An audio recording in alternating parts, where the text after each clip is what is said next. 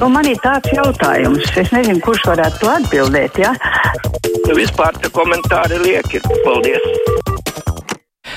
Tālruņa numurs studijā 6722, 888, 672, 559, varat mums sūtīt ziņu no mūsu mājaslapas. Halo, esat ēterā, labdien! Labdien! Es gribēju nedaudz par tojušiem dziesmu svētkiem un par to politiku, kāda tiek izvērsta biļešu tirdzniecības sakarā. Daudzās valstīs attīstītās ir tāda prakse, ka, ja pieņemsim, ir kāda skola, kurā ir gribētāji tikt vairāk nekā skola var uzņemt, tad vienkārši katru gadu tiek veikta izloze. Primitīva izloze, kur visi pieteikušies, tie izlozē savā starpā tās brīvās vietas. Tāpat arī vajadzēja dziesmu svētku biļetes vienkārši pieņemt gribētājus un pēc tam viņus izlozēt. Tas būtu tikai normāli nekā tagad. Jā, paldies. Nu jā, tādas izlozes jau bieži tiek izmantotas tad, ja ir uz kaut ko gribētāji vairāk nekā ticēju. Labi, pacelšu klausulu. Labdien, brīvais mikrofons. Labdien, vakar Raidis Tomsons izteicās tā, ka nav vērts agitēt Krievijas pilsoņus pārcelties uz Krieviju, jo viņi to negribot darīt un nekas tur nesanāks. Bet, ziniet, ļoti daudzi nepilsoņi negrib naturalizēties. Bet mēs tik un tā viņus nepatraukti agitējam, agitējam, agitējam, jo mums tas ir izdevīgi. Savukārt, lai Krievijas pilsoņi brauktu prom no Latvijas uz savu Krieviju, ko viņi paši sev par dzimteni izvēlējušies, mums acīm redzot nav izdevīgi. Tāpēc mēs neagitējam, tāpēc mēs visiem spēkiem mēģinām viņu šeit noturēt. Vakardienas Kučinska uzstāšanās šodienas jautājumā spilgti parādīja, ka viņš darīs visu, lai šis likums netiktu realizēt dzīvē, lai tas nestātos spēkā, lai tie visi Krievijas pilsoņi te arī paliktu un nevienam nenāktos Latvijā atstāt. Man tikai gribētos tad jautāt, ko dara mūsu tā saucamie nacionāli, kāpēc viņi klusē? Normāla partija. Jā, paldies. Nacionāļi klusē ne jau tikai par to, arī par to, kas ogrē notiek ar muzeju, arī nacionāļi klusē. Klausītājs zvana, labdien, esat ēterā. Labdien! Labdien! Šeit zvana, un, un esmu ļoti pārsteigta. Nekas nav briesmīgāks par nāvi un karu. Bet tā kā mūsu žurnālisti un radio, televīzija ar smaidu to visu izstāstā, ka 24 vai februārī ir gada dienā, vai tad tas tiešām ar smaidīgu seju balsi ir jāpaziņo? Mēs katrs cenšamies cīnīties līdzi ar visu sirdi un dvēseli. Paldies, ka uzklausījāt! Jā, paldies. Nu, runājot par karu, tur tiešām smaids vienkārši nelien laukā atceroties to visu, kas tur jau ir noticis un domājot par to, kas vēl būs jāpārcieš. Es ceru, ka tas smaids tikai likās, nu, ka nebija tur nekāda smaida. Tā jau bieži vien cilvēkiem ir arī kaut kādas reakcijas, kas varbūt šķiet neadekvātas, nepareizas, bet nu, vienkārši nu, ir kaut kas izlauzies, kas nemaz tā nav domāts. Nu, jā, visādi gadās. Klausītājs zvana, labdien, esat ēterā. Labdien! Labdien! Es esmu no Bauskas.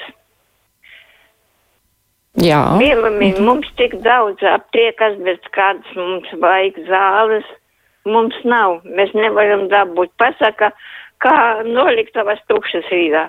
Zāļu nav. Kādu veidu zāles jūs meklējat? Nu, man kā, kā, kā insultu cilvēks, man vajag priekš smadzenītēm. Un tādu zāļu nav. Es bez tām zālēm nevaru dzīvot. Jā, paldies. Nu, nu, patiesībā tas spektrs zāļu, kuras trūks, tagad parādās arvien plašāks un plašāks. Jo tad bija runa par antibiotikām, tad uh, temperatūras zālēm, tagad uh, kundze stāsta par vēl specifiskākiem medikamentiem, kuru nav, kas ir ļoti būtiski, patiesībā ļoti biedējoši tas ir. Klausītājs, mūsu pastāvīgais klausītājs Ivars raksta par Valdemāru ielu, par to ēku, kas taisījās sabrukt, nu, kur bija bažas, ka sabruks un kur dēļ slēdz ielu. Viņa versija ir tā, ka šīs ēkas deformācijas saistāmas ar lietus kanalizācijas čugunu cauruļu plīsumiem un to radīto pamatu izskalošanu. Bet kāpēc norobežot ielu? Smieklīgi paskatieties, kādā vīzē sabrūk ēkas Turcijā. Mums pietikt ar trīs metru augstu sētu gar braucamo daļu. Tā Ivars uzskata. Klausītājs, eh, klausītāja Jāzana raksta, Amerikas prezidents bija tikko Ukrainā. Es domāju, ka 24. datumā būs liels pārsteigums pašai Krievijai, par to esmu pilnīgi droša.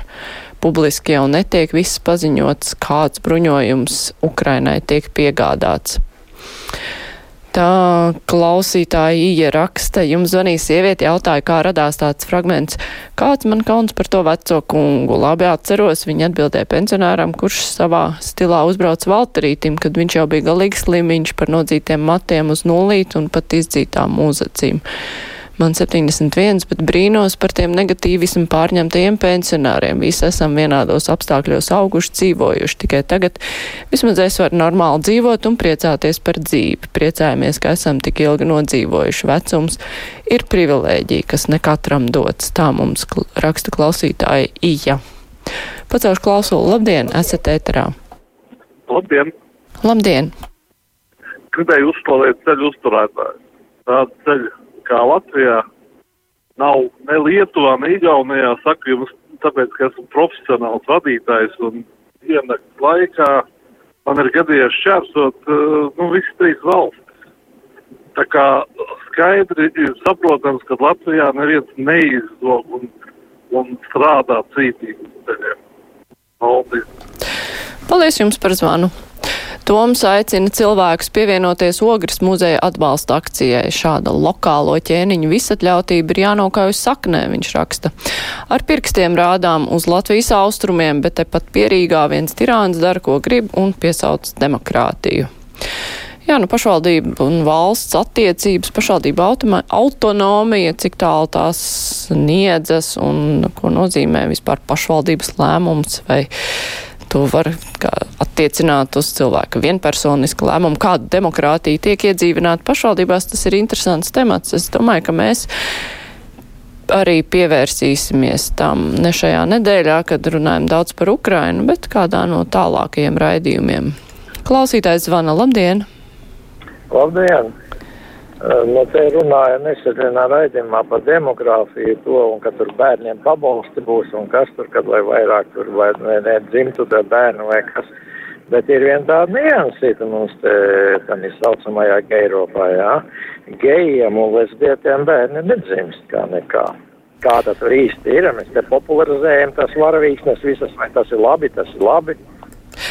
Jums gan ir tā interesants priekšstats, ka viņi nav cilvēki, kuriem bērni nevar rasties. Var gan. Viņiem fizioloģija ir tieši tāda pati kā jums. Bērni var dzimt sievietēm, un bērnus var radīt vīrieši. Un tur nav svarīgi, kādās attiecībās viņi ir. Gal galā iespējas ir dažādas. Klausītāja Urzula raksta militāro jautājumu analītiķi vairākums uzskata, ka Krievijai nemaz nav vairāk nekādu darboties spējīgu kodolieroču. Armija arī ir nožēlojama, nevis varena. Tā raksta Urzula. Tā Roberts raksta, laba intervija bija Aidim ar Alekseju Arestoviču internetā arī bija daudz skatījumu. Aidis ir vienīgais, kurš Latvijas radio viens sagatavo, saražo saturu ar labu reitingu. Pārējie par to nedomā. Cerams, jaunā algu sistēma Latvijas radio viens darbiniekiem būs atkarīga no reitinga. Jā, Aida intervija ir izgājusi starptautiski, par ko ir prieks, un bija patiešām ļoti interesanti. Es ar vakar klausījos. Tā kā bija tie, kas nav dzirdējuši, iesaku noklausīties. Labdien, esat ēterā! Labdien! Labdien! Šeit jums zvana pensionārs no dziļiem laukiem. Jūs varētu lūdzu pa, paaicināt uz savu raidījumu to sievieti, kas atbild par pensijām, kā saka. Labklājības ministri, vai ne? Jā, jā, jā, jā. Lai pastāsta, kas, kas te būs šogad. Visi naudu plēš katru savu pusi.